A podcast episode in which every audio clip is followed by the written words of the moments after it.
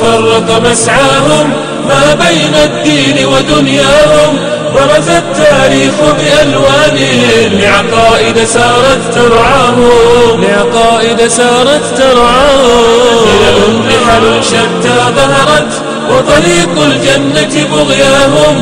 ورد الداعون مناهلها واختار الناس مشاردهم الناس تفرق مسعاهم.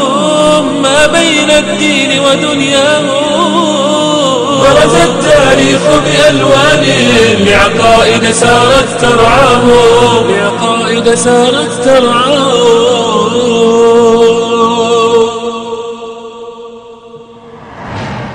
الحمد لله رب العالمين الرحمن الرحيم مالك يوم الدين. وصلى الله وسلم وبارك على عبده ورسوله محمد وعلى آله وصحبه الطيبين الطاهرين. أما بعد أيها الإخوة والأخوات من المشاهدين الكرام قد كنا في الحلقات الماضية تعرضنا لموضوع النبوة وموضوع مقامها وبيان ما وقع فيها من اختلاف وتباين بين المنهج السامي الكريم المعصوم في الإسلام وبين المناهج المنحرفة إن كانت كتابية وإن كانت مادية أو إلحادية. ووعدنا بأن نبدأ في هذه الحلقة بإذن الله تبارك وتعالى بالحديث عن إبراهيم عليه السلام باعتباره النموذج الواضح والأمثل في تاريخ النبوة والأنبياء عند أصحاب الملل الثلاث وغيرهم كما سوف نرى بإذن الله تبارك وتعالى. ونحن في الحقيقة نكون بذلك قد تجاوزنا الحديث عن قوم عاد وقوم ثمود مع أنه سبق الحديث عن الطوفان. ولكن قد نعود للحديث عن هاتين الأمتين عرضا إن شاء الله تبارك وتعالى أو استطرادا عندما يأتي الحديث عن قوم موسى عليه السلام وعن الفراعنة. وفي مواضع معينة ينبغي أن نتعرض لهما. وما عدا ذلك فلا إشكال في هاتين الأمتين أو لا مجال للنقاش والبيان الاختلاف فيهما إلا في المسألة المهمة التي تأتينا الآن في هذا الموضع وهي في ما يتعلق بنسب إبراهيم الخليل عليه السلام أو المدة ما بين إبراهيم عليه السلام وبين نوح عليه السلام.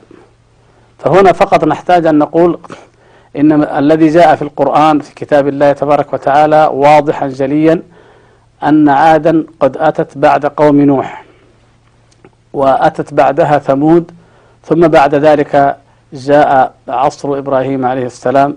إذا هناك آماد لا يعلمها إلا الله تبارك وتعالى وهناك كما تقدم من الأمم والقرون من لا يعلمهم إلا الله لا يعرفهم النسابون ولا المؤرخون بين الخليل عليه السلام وبين الطوفان أو بين قوم نوح. هذا هو المهم في في في في هذا الموضوع. يعني يعني هو مهم تاريخيا في الجملة كما أشرنا وهو مهم هنا في الكلام مع النسب إبراهيم الخليل عليه السلام.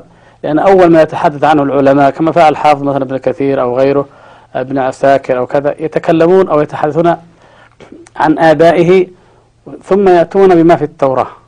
والذي في التوراة أن نوح عليه السلام هو الجد أو الأب العاشر الأب العاشر للخليل عليه السلام. ولذلك لأن هذا غير معقول إذا نظرنا إلى هذه الأمم العظيمة بينهما. فلذلك قد يقال إن الذي يسد هذه الفجوة هو طول الأعمار التي تذكر في البعض على 400 سنة أو 200 أو نحو ذلك. ولكن هذا في الحقيقة لا يكون إلا إذا ثبت لدينا ذلك. يعني عندما عندما تثبت قضية تاريخية كحقيقة فإن نوفق بينها وبين غيرها من الحقائق الثابتة. أما عندما تكون القضية مثلا قضية عاد وثمود ثابتة في القرآن بدون أي شك بترتيب تاريخي وتسلسل واضح فإنه لا داعي على الإطلاق أن نفترض آه، أو غير ذلك وأن نؤول بينها وبين شيء. يجب علينا أن نجزم مباشرة أنه غير صحيح لأنه كما أشرنا لم لم تذكر في التوراة هاتان الأمتان ولم تذكر القرون التي ذكرها الله تبارك وتعالى وأشار إليها بأنها لا يعلمونها. فلذلك نحن نجزم مبدئيا بأن هذا النسب غير صحيح بهذا الشكل وبهذا التسلسل. الذي يهم في هذا الجانب وله دلالته فيما بعد إن شاء الله أن إبراهيم عليه السلام هو من نسل عابر. يعني هذا يهمنا اعتراف الكتاب بأنه من نسل عابر وأنه من قوم إرم وأنه كان كما في في العهد القديم كان آراميا ويتكلم اللغة الآرامية. ما المهم في هذا أيها الإخوة؟ المهم في هذا هو إثبات أن إبراهيم عليه السلام من بقية العرب القديمة وأنه بالفعل جاء إلى مكة ويؤيد ذلك يعني أنه يأتي إلى مكة وأن يبني الكعبة وأن يتخاطب مع العرب الذين لقيهم في طريقه أو عندما تخاطب مع آه، زوجات إسماعيل عليه السلام وهن من العرب المحدثة. يعني إسماعيل عليه السلام بداية العرب المحدثة أو الحديثة أو المستعربة أو كما قال النبي صلى الله عليه وسلم أول من نطق بالعربية المبينة إسماعيل. العربية المبينة أو العربية الأخيرة التي كانت منها لغة قريش ثم بالتالي بقيت ولله الحمد وحفظها الله بهذا القرآن إلى اليوم. فإبراهيم عليه السلام قبل ذلك كان على اللغة الآرامية التي جاءت في التوراة ذكروها وقال له كلم عبدك بالآرامي يعني أنه كان على اللغة العربية القديمة التي هي وسط بين القديم اللغة العربية القديمة جدا التي كانت معروفة في قبائل اليمن وبين العربية الحديثة التي نتكلم بها. والخلاف في بين هذه اللغات لا يعدو الخلاف بين اللهجات القبلية المعروفة إلى اليوم. يعني إذا نحن استطعنا وهذا واضح ويعترف به المستشرقون وغيرهم أن أن اللغة العبرية التي آه، على يعني ما مر بها من تغيير أنها قريبة آه، قريبة جدا إلى اللغة العربية وأنها فرع من فروع اللغة العربية القديمة. فإذا كان ذلك في شأن اللغة العبرية فما بالك بشأن اللغة الآرامية التي هي آه، قريبة جدا من اللغة العربية التي نتكلمها اليوم والتي نزل بها القرآن. وإن كانت تسمى أحيانا السريانية آه، بالنسبة إلى آه، أو وضعها اليونان نسبة إلى سوريا أو أسوريا لأنهم يطلقون على اسم المنطقة اسم سوريا فيقال لها السريانية. على أي حال هي اللغة الأرامية التي يقولون العبرية الحديثة تفرعت منها. وأن ولذلك كثير من الأسفار في كتب العهد القديم مكتوبة بالآرامية وهذه هي اللغة العربية التي كان يتكلم بها إبراهيم الخليل عليه السلام. فهو عليه السلام آه، كان عربيا من العرب العاربة أو من آخرهم لأنه من بعده تفرعت الأمم والفروع المعروفة ومن أهم هذه الفروع الفرع العربي الأخير الذي غلب على العنصر العربي كله هو الفرع الإسماعيلي والفرع الإسرائيلي الذي هو من ابنه إسحاق يعني يعقوب ابن إسحاق إبراهيم عليه السلام فكان منه بنو إسرائيل. الذي يهمنا يعني في, في, في, في هذا الباب ولا ولا يهمنا كثيرا يعني في, في تاريخ العقيدة والدين غيره هو أن إبراهيم الخليل عليه السلام اصطفاه الله سبحانه وتعالى واختاره من هذه الأمة وإمكانية أن يكون هو الذي تتفرع منه هذه الشعوب والقبائل يعني حقيقة مشتركة وأن يكون قد تكلم باللغة التي يتكلم بها أهل جزيرة العرب. هذا يشهد به الواقع. فقبل إبراهيم عليه السلام بمئات السنين أو أكثر يمكن فك كل الرموز التي عثر عليها في الألواح وفي النقوش وفي الأختام وفي غير ذلك. يمكن حلها فكها جميعا باللغة العربية المستعملة اليوم أو من المعاجم فهو إذا ليس هناك أي إشكال في هذا الأمر والحمد لله. وبالتالي فدعوى أنه كان يهوديا أو نصرانيا أو إسرائيليا أو أي اسم من هذه الأسماء هي دعوة باطلة. ليس فقط من ناحية الدين بل أيضا من ناحية النسب ومن ناحية اللغة. فمن المؤكد وهذا نكرره لأهميته أن شعوب ما بين النهرين بلاد الرافدين وشعوب الهلال الخصيب في بلاد الشام أيضا. يعني الهلال كله منه بلاد الشام ومصر. وهذه الشعوب أنها انطلقت أصلا من جزيرة العرب وبالتالي تفرعت وتعددت اللهجات كنعانية أو عمونية أو عمورية أو مؤابية أو إلى آخره تتفرع ولكنها كلها كانت تنطلق من هذه الجزيرة التي يمكن بدون آه، يعني مبالغة في القول بل بكل آه، يقين إن شاء الله أنها هي مهد البشرية ومهد الإنسانية الأول. وبالتالي فلا معنى لما يجادل ويناقش فيه المستشرقون الحاقدون اليهود آه، وبالذات ثم من من تبعهم من غيرهم في مسألة إلى من ينتسب الخليل عليه السلام وكيف يكون له صلة بمكة ويتجاهلون ذلك. بل قد ينكرونه بل أنه وصل الأمر ببعضهم إلى أن ينكر وجوده عليه السلام بالمرة. وتعجبنا هنا كلمة للعقاد في كتابه إبراهيم أبو الأنبياء يقول إن هؤلاء يكتبون لإثبات دين وإنكار دين وليس لإثبات الحقائق التاريخية. وحقيقة يعني هم يهمهم إثبات الدين يعني التوراتي أو اليهودي وإنكار الدين الإسلامي. هذا الذي يهم هؤلاء المستشرقين جميعا. أما الباحث التاريخي المتجرد فسوف نرى أن هناك نقاط التقاء كثيرة معه. يمكن أن نصل إليها إن شاء الله لأنه ليس هناك إشكال بين الحق ولا تعارض بين الحق الذي يأتي بطريق الوحي والحق الذي يأتي بطريق التواتر والحق الذي يأتي بطريق النقوش والآثار. الحق دائما بعضه يشهد لبعض وبعضه يصدق بعض وإنما يكون بين الاختلاق وبين التأويل وبين آه، يعني آه، محاولة فعلا أن أن ينكر دين بجملته وحضارة برمتها وبجملتها ونبوة بأكملها لإثبات نبوة أخرى وحضارة أخرى. يعني هنا هنا عند الحديث عن سيرة الخليل عليه السلام هنا تظهر الميزة العظيمة لهذه الأمة المباركة وليس فقط لهذا الرجل المبارك العظيم. إن إننا نحن الآن أيها الإخوة والأخوات نعاني من قضية ما يسميه الغرب الاستئصال أو التعصب أو عدم الانفتاح على الآخر أو رفض الآخر أو ما أشبه ذلك من النعوت التي آه، تقول أو تدل بمعنى آخر أن هذا تصرف غير حضاري وغير علمي وغير لائق. فعلى هذا من الذي إذا يقصي الآخر؟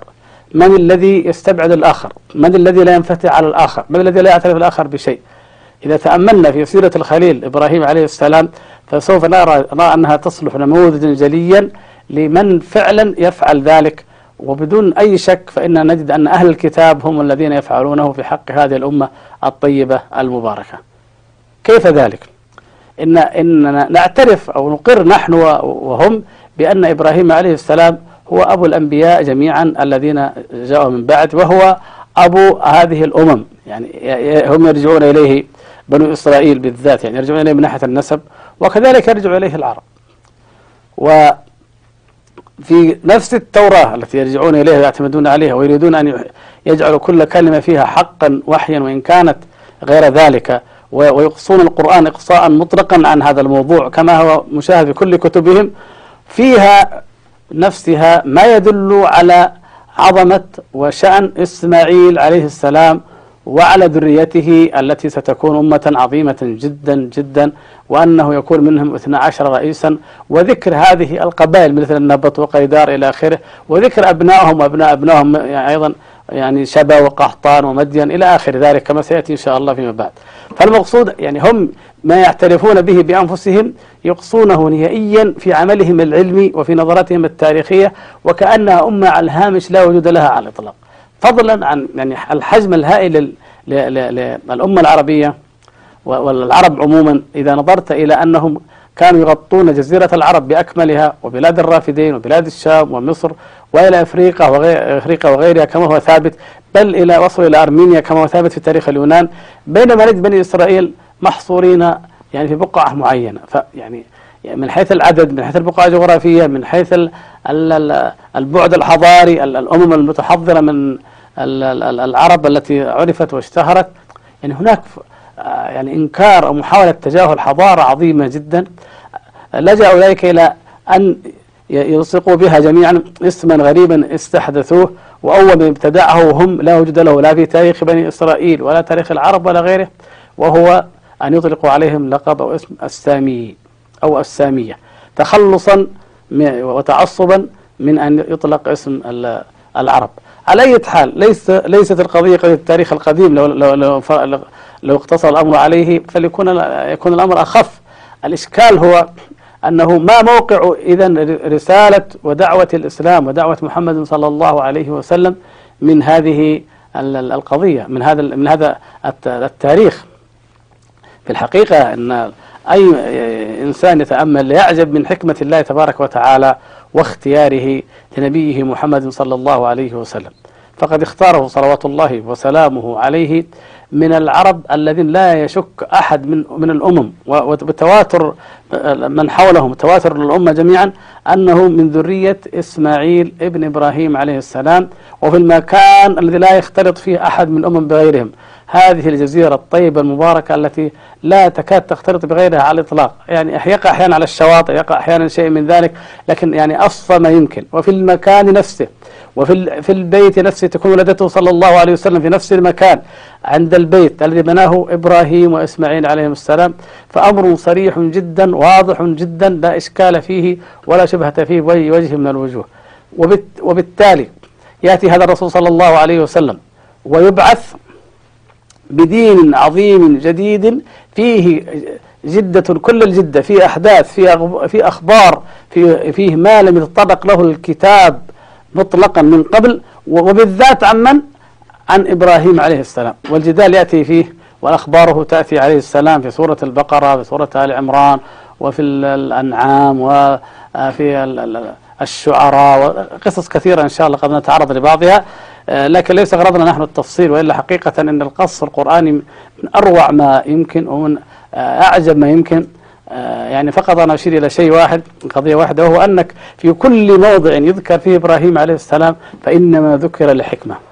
لماذا ذكر هذا الموضع؟ لماذا مثلا تأتي قضية إمامته للناس وبناء البيت في المكان لحكمة؟ ثم تأتي بعد ذلك قضية آه، محاجته للملك وإيمانه بالبعث لحكمة أخرى وهكذا. المقصود أنه يعني هذا النبي العظيم تأتي له من الأحداث في القرآن ما لا ذكر له في التوراة. بل حتى القضية البسيطة التي يمكن أن يقال بعض الناس لماذا ينص على اسم أبيه؟ وإذ قال إبراهيم لأبيه آزر. يعني ينص عليه عمدا قصدا واضح القصد عليه ولا فلا فلا يعني يؤثر أن يكون أبوه من كان أي نبي من الأنبياء وأي إنسان والله تعالى اختار لهم أفضل الآباء. ولكن لماذا ينص على الاسم؟ مل مل لأنه يراد منه تكذيب ما في التوراة. فلو كان هذا النبي أو هذا القرآن يمكن أن يأتي تجميعا ما عند الناس أو يقتبس ما عندهم فلما يجادل في أشياء يعني تسبب له إشكالات مع اليهود مع أهل الكتاب. وكان يمكن أن يسلم بها ولا سيما وهي لا لا تؤثر على الإطلاق. أما عندما يأتي يوضح حقائق عظيمة عن هذا النبي صلوات الله وسلامه عليه تخالف ما عندهم حتى عمدا يعني حتى فيما يتعلق بالنسب فهذا دليل على أن هذا ما يعني القرآن حق محض منزل من عند الله تبارك وتعالى لا مجاملة ولا مداهنة فيه ولا مراعاة لكل من انحرف وكل من أخطأ وكل من ضل. هذا الخليل إبراهيم عليه السلام خليل الرحمن الذي كل أمم الأرض تجمع عليه كل أم الأرض تعظمه كل أم الأرض تنتسب إليه حتى من البراهمة حتى من الصابئة يدعون أنهم على دينه فضلا عن الميل الثلاث وهي آه، وهم اليهود والنصارى والمسلمون. الكل يجتمعون ويعظمون هذا النبي الكريم صلوات الله وسلامه عليه. لكن عندما بعث النبي صلى الله عليه وسلم وكان كان هنالك دعويان عريضتان جدا فيأتي النبي صلى الله عليه وسلم بالوحي من عند الله تبارك وتعالى لإبطالهما معا ونبذهما معا من غير تعصب ولا عنصرية لأن هذا دين الله التوحيد الخالص الحق لا محاباة فيه ولا مجاملة لأي عنصر من من من البشر أو العصبيات والقوميات. ما هما هذان يا إخوان؟ عندنا أمة العرب. العرب كانت تجمع وتعترف أن أنهم من ذرية إسماعيل عليه السلام ولا سيما العدنانية الذين يسكنون شمال الجزيرة العرب من مكة وشمالها وبالذات من كان حول الكعبة. ويعظمون البيت الحرام على أنه الذي بناه إبراهيم وإسماعيل عليهم السلام. و يقيمون الشعائر شعائر الحج وغيره وينسبونها إلى إبراهيم عليه السلام ويعتقدون أنهم على دين إبراهيم عليه السلام لكنهم انحرفوا إلى الوثنية كما هو معلوم وعبدوا اللات والعزى وهبل وأمثالهما. فدعوى انتساب إليه وانحراف إلى الوثنية. في مقابل ذلك نجد أهل الكتاب يدعون الانتماء إلى إبراهيم عليه السلام ومع ذلك يحصرون الوراثة وراثة النبوة فيهم وأن وعد الله تبارك وتعالى لهم فحدهم فقط وأنه حتى الذبيح هو منهم فقط وكل ما جاء من فضل فيجعلونه فقط في أبناء يعقوب ابن إسحاق ابن إبراهيم عليه السلام فقط. ولا يجعلون لغيرهم أي ميزة ولا فضل ولا شأن ولا ذكر.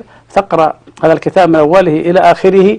فلا تكاد تجد إلا لماما ها هنا أو ها هنا عندما يعترفون في شروحهم بأن أيوب مثلا عليه السلام لم يكن من بني إسرائيل إنما كان من العرب أو ما أشبه ذلك من إشارات. لكن الخلاصة المحور كله هو حول بني إسرائيل فقط. وهناك انحرافات وهناك تأويلات وهناك يعني يعني إخلال بوعد الله وأوامره ونواهيه وتحريف شرائعه. عظيم جدا فعله, فعله اليهود وتنطق به التوراة وينطق به أنبياؤهم الكرام في مواضع لا حصر لها كما قد تأتي الإشارة ذلك إن شاء الله تبارك وتعالى. فإذا هاتان الأمتان يعني ها هنا قريش تدعي ما تدعي واليهود يدعون ما يدعون فيأتي أعظم رسول الله تبارك وتعالى وسيد ولد آدم صلوات الله وسلامه عليه وعلى آله وصحبه أجمعين ويأتي بهذا الدين العظيم يوحي الله تبارك وتعالى هذا القرآن العظيم وهذا الذكر الحكيم ويصطفيه ويختاره من ناحية النسب.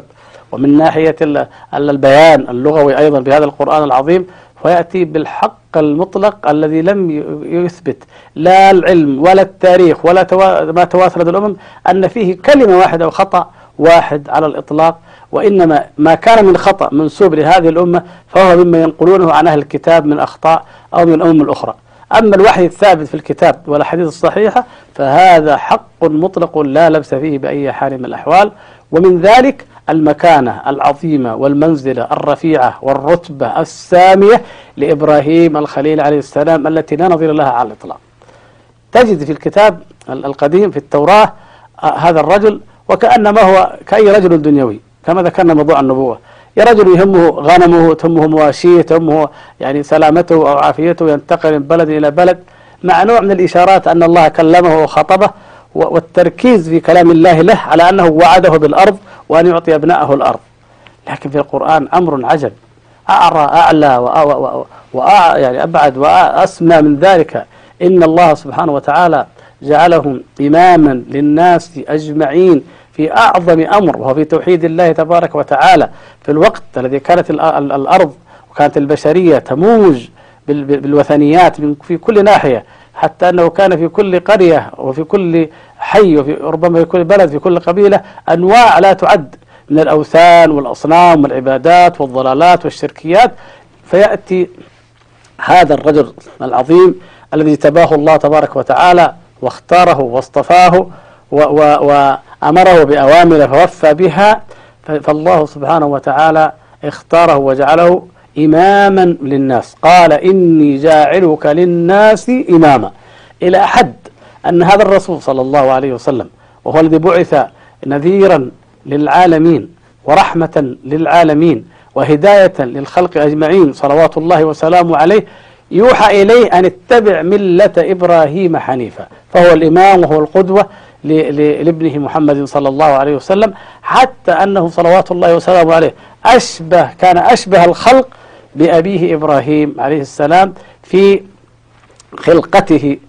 وكذلك في كما كان في دينه وفي إيمانه وفي اتباعه صلوات الله وسلامه أجمعين. فمن هنا قامت الحجة ولزمت الحجة كل من يعظم الخليل إبراهيم عليه السلام من أية أمة من الأمم أن يعظم ما جاء به النبي صلى الله عليه وسلم مع التسليم بالحق الذي يأتي في التوراة أو في غيرها من الكتب الذي إذا عرضناه على منهج القرآن وما جاء في الأحاديث الصحيحة وما جاء في العقيدة النقية التي عليها دين الإسلام ولله الحمد يتبين بالفعل أنها حق. فلا لا مانع من ذلك. أو يبقى ما لا ما لا يؤثر في هذه القضايا كقضايا تاريخية بعيدة أو قضايا تاريخية أو أمور آه، ليس لها تأثير في الحد والغض من مقام النبوة كما يجعلون أنه أن سارة كانت أخته غير الشقيقة وأنه تزوجها وغير يعني هذا هذا فحش عظيم لا يجوز نسبته إليه. والمهم كما قلنا هو أنه لا يتكلم عن إبراهيم عليه السلام على أنه بهذه الإمامة وهذه المنزلة الجليلة العظيمة. يعني قام الملك الكافر وحاجه في الله حطم الأصنام. الله سبحانه وتعالى أنقذه وأخرجه من النار وجعلها بردا وسلاما عليه. دعا إلى الله جاهد في الله حق جهاده. يعني يعني هذه الأم هذه القضايا العظيمة المهمة جدا لا تأتي إلا لماما أهم ما عندهم هم في الأمر هو وعده لذريته. أهم ما عندهم في قصة إبراهيم عليه السلام هو يعني علاقته ب آه، آه، بأبي مالك وبملك صادق وبفلان وبفلان مما ليس لها أهمية في ذاتها. بل مع الأسف الشديد يأتي يعني التحريف الكثير فيها كما سوف نبين إن شاء الله تبارك وتعالى. يعني يمكن أن أن نستعرض قبل يعني نهاية هذه الحلقة الطيبة المباركة إن شاء الله يعني قضية تاريخية وهي عصر الخليل عليه السلام. متى وجد؟ الذي يظهر وتكاد تجمع عليه الآثار والبحوث التاريخية وغيرها أن إبراهيم عليه السلام كان في آه، وجد في القرن الثالث قبل الميلاد أو قبل يعني قبل المسيح عليه السلام أو قبل التاريخ الميلادي ب 2000 عام ما بين 2000 إلى 2100 إلى 2200 أو نحو ذلك أو شيئا من ذلك. وبمعنى آخر أن ما ذكره بعض علماء المسلمين مثل أبي الفداء وغيره أنه صلوات الله وسلامه عليه كان قبل الهجرة بنحو 2800 سنة. يمكن أن يكون صحيحا أو قريبا مطابقا ليس هناك أي يعني علم ثابت في هذا. إنما الذي يمكن أن يقال إن هناك حقائق ثابتة في التاريخ ويمكن أن تطابق أو تقارن بالحقائق الثابتة في القصص أو الكتب الدينية وهو أن أنه آه، قابل آه، أو أنه قريب قريب العصر من آه، عصر حمورابي.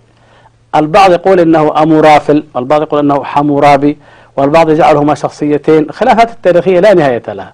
لكن هذا الرجل المشهور حمورابي صاحب الشريعة المشهورة يمكن أن يكون بالفعل هناك تقارب في المدة بينه وبين الخليل إبراهيم عليه السلام. آه، يعني من كان اسم ما كان اسم الملك الذي حاج إبراهيم عليه السلام لا يهمنا كثيرا لكن يهمنا أن إبراهيم عليه السلام وقف وقفة إيمانية قوية صادقة في وجه ملك عتي جبار متسلط واضح من ذلك وكذلك أنجاه الله تبارك وتعالى من تسلط فرعون كما ثبت في الحديث الصحيح في قصته مع سارة. فهذه المدة وهذا الزمن نستطيع أن نقول أنه أهم ما فيه هو أن إبراهيم عليه السلام كان متوسطا تقريبا بين عصرين عظيمين من عصور التوحيد وجاء هو ليكون رأس العصر الثالث وهو الإمام الذي يتبعه من بعده. العصر الأول من عصور التوحيد هو ما بين آدم عليه السلام إلى وقوع الانحرافات والشرك في قوم نوح. هذا واضح لا إشكال فيه. أما العصر الثاني من عصور التوحيد فهو العصر الذي هو بعد بعثة محمد صلى الله عليه وسلم. يعني التوحيد الأول والتوحيد الآخر. هذا التصور الإسلامي الفريد العجيب للتاريخ لا يوجد لدى أهل الكتاب ولا يوجد لدى غيرهم من الأمم. إلا تهويشات عند عند النصارى أن المسيح قد ينزل أو لا ينزل أو ما أشبه ذلك. المقصود أن يعني البشرية مرت بعصر توحيد طويل جدا. كان إبراهيم عليه السلام يعني جاء إبراهيم عليه السلام بعد أن غرقت في الوثنية التي وقعت من بعد انحراف الأقوام من بعد الطوفان. فالتوحيد القديم من من خلق آدم عليه السلام إلى بعثة نوح عليه السلام أو وقوع الشرك في في في قومه. هذه أماد لا يعلمها إلا الله حقبة طويلة لا يعلمها إلا الله كلها على توحيد الله وعلى شهادة لا إله إلا الله وليس ليس لم يكن هناك فيها أي شائبة شرك حتى وقع الشرك فابتدأت الرسل وأولهم نوح عليه السلام لإنذار الخلق عن ذلك. هذا هذا هذا زال التوحيد العظيم الذي يأتي في آخر الزمان هو من بعد محمد صلى الله عليه وسلم إلى أن تقوم الساحة الساعة ويكون نزول المسيح عليه السلام تبعا لهذا النوع لأنه يأتي بشريعة محمد صلى الله عليه وسلم كما سنوضح إن شاء الله. وبينهما في فترة احتدام واشتداد الوثنية العظيمة وعمومها على معظم التاريخ العالمي والبشري والأرضي تكون بعثة إبراهيم عليه السلام كسراج منير وقدوة وإمام مضيء لكل من جاء بعده ولكل من يدعيه على الأمم بأنه نموذج ومثال لعبادة الله تبارك وتعالى وحده لا شريك له. وبذلك بهذه الحقيقة الواضحة النيرة الجلية نكذب من جملة ما نكذب دعاوى أن التوحيد تطور وأن البشرية انتقلت شيئا فشيئا إلى أن عرفت التوحيد والدعوة المزعومة التي تقال إن أخناتون هو أول من وحد أو المقارنة بين ما قاله أخناتون وما قاله إبراهيم عليه السلام ومن الذي أخذ من الآخر. هذا كله هذا كلام متهافت ولا اعتبار له لا من حيث الحقيقة التاريخية ولا من حيث الإيمان الديني العميق الذي جاء في كتب الله تبارك وتعالى. كل ذلك لا اعتبار له إنما يشار إليه ويذكر لكي يعني نتنبه إلى أن مناهج التاريخ ومناهج كثير من العلوم والآداب والأديان والفرق والمقارنة وما أشبه ذلك. في أكثر أنحاء العالم وحتى في العالم الإسلامي مع الأسف أنها جميعا تقوم على أن الدين تطور وأن التوحيد تطور. وبالتالي يختلفون من الذي أثر في الآخر ومن الذي علم الآخر أخناتون أو إبراهيم عليه السلام. وكيف جاء التوحيد؟ وهل كان هذا التوحيد توحيدا مطلقا مجردا؟ أو كان توحيدا بمعنى أن ربا أعظم ومعه أرباب تعالى الله عن ذلك علوا كبيرا معه أرباب من دونه تشترك. هذه يعني هذه قضايا تمتلي بها صفحات من كتب التاريخ ومن المعاجم الغربية وتجرد لها باحثون غربيون كثير منذ حوالي 200 سنة على الأقل وكثير منهم تخصص بالذات في الكتابة عن إبراهيم الخليل عليه السلام كان كثير من يعني مما يهمهم ويشغلهم هو هذه المقارنات العقيمة السقيمة الهراء الذي لا قيمة له على الإطلاق ونسوا أو تجاهلوا ما في القرآن الكريم عن عمد وعن قصد وإلا فقد جاء في كتاب الله تبارك وتعالى أن هذا الرجل العظيم كان أمة وكان إماما للناس وأنه لم يكن من المشركين بأي حال من الأحوال وأنه لم يكن يهوديا ولا نصرانيا. وكيف يكون يهوديا ولا نصرانيا وما أنزلت التوراة والإنجيل إلا من بعده؟ هذه من الحجج العقلية القرآنية القطعية العظيمة في إلزام أهل اليهود. ما أنزلت التوراة والإنجيل إلا من بعده. أفلا تعقلون؟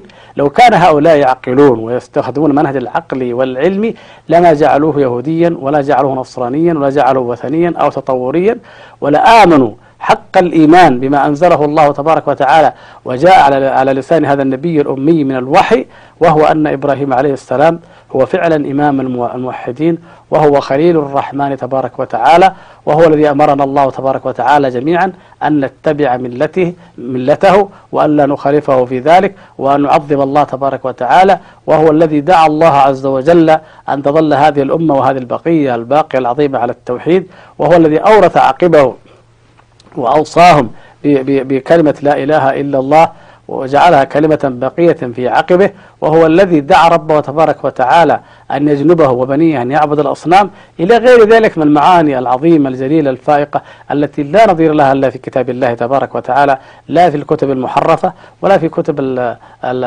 الماديين والملحدين وغيرهم ممن قد يكن شيئا من الاحترام لإبراهيم الخليل عليه السلام لكنها لا تصل إلى هذه المقامة المقام والرتبة العالية. نسأل الله الكريم رب العرش العظيم في ختام هذا اللقاء الطيب المبارك أن يجعلنا وإياكم جميعا على ملة أبينا إبراهيم ودين نبينا محمد صلى الله عليه وسلم في الدنيا والآخرة. إنه سميع مجيب. والحمد لله رب العالمين. وصلى الله وسلم وبارك على عبده ورسوله محمد وعلى آله وصحبه أجمعين. الناس تفرق مسعاهم ما بين الدين ودنياهم. برز التاريخ بألوان لعقائد سارت ترعاه لعقائد سارت ترعاه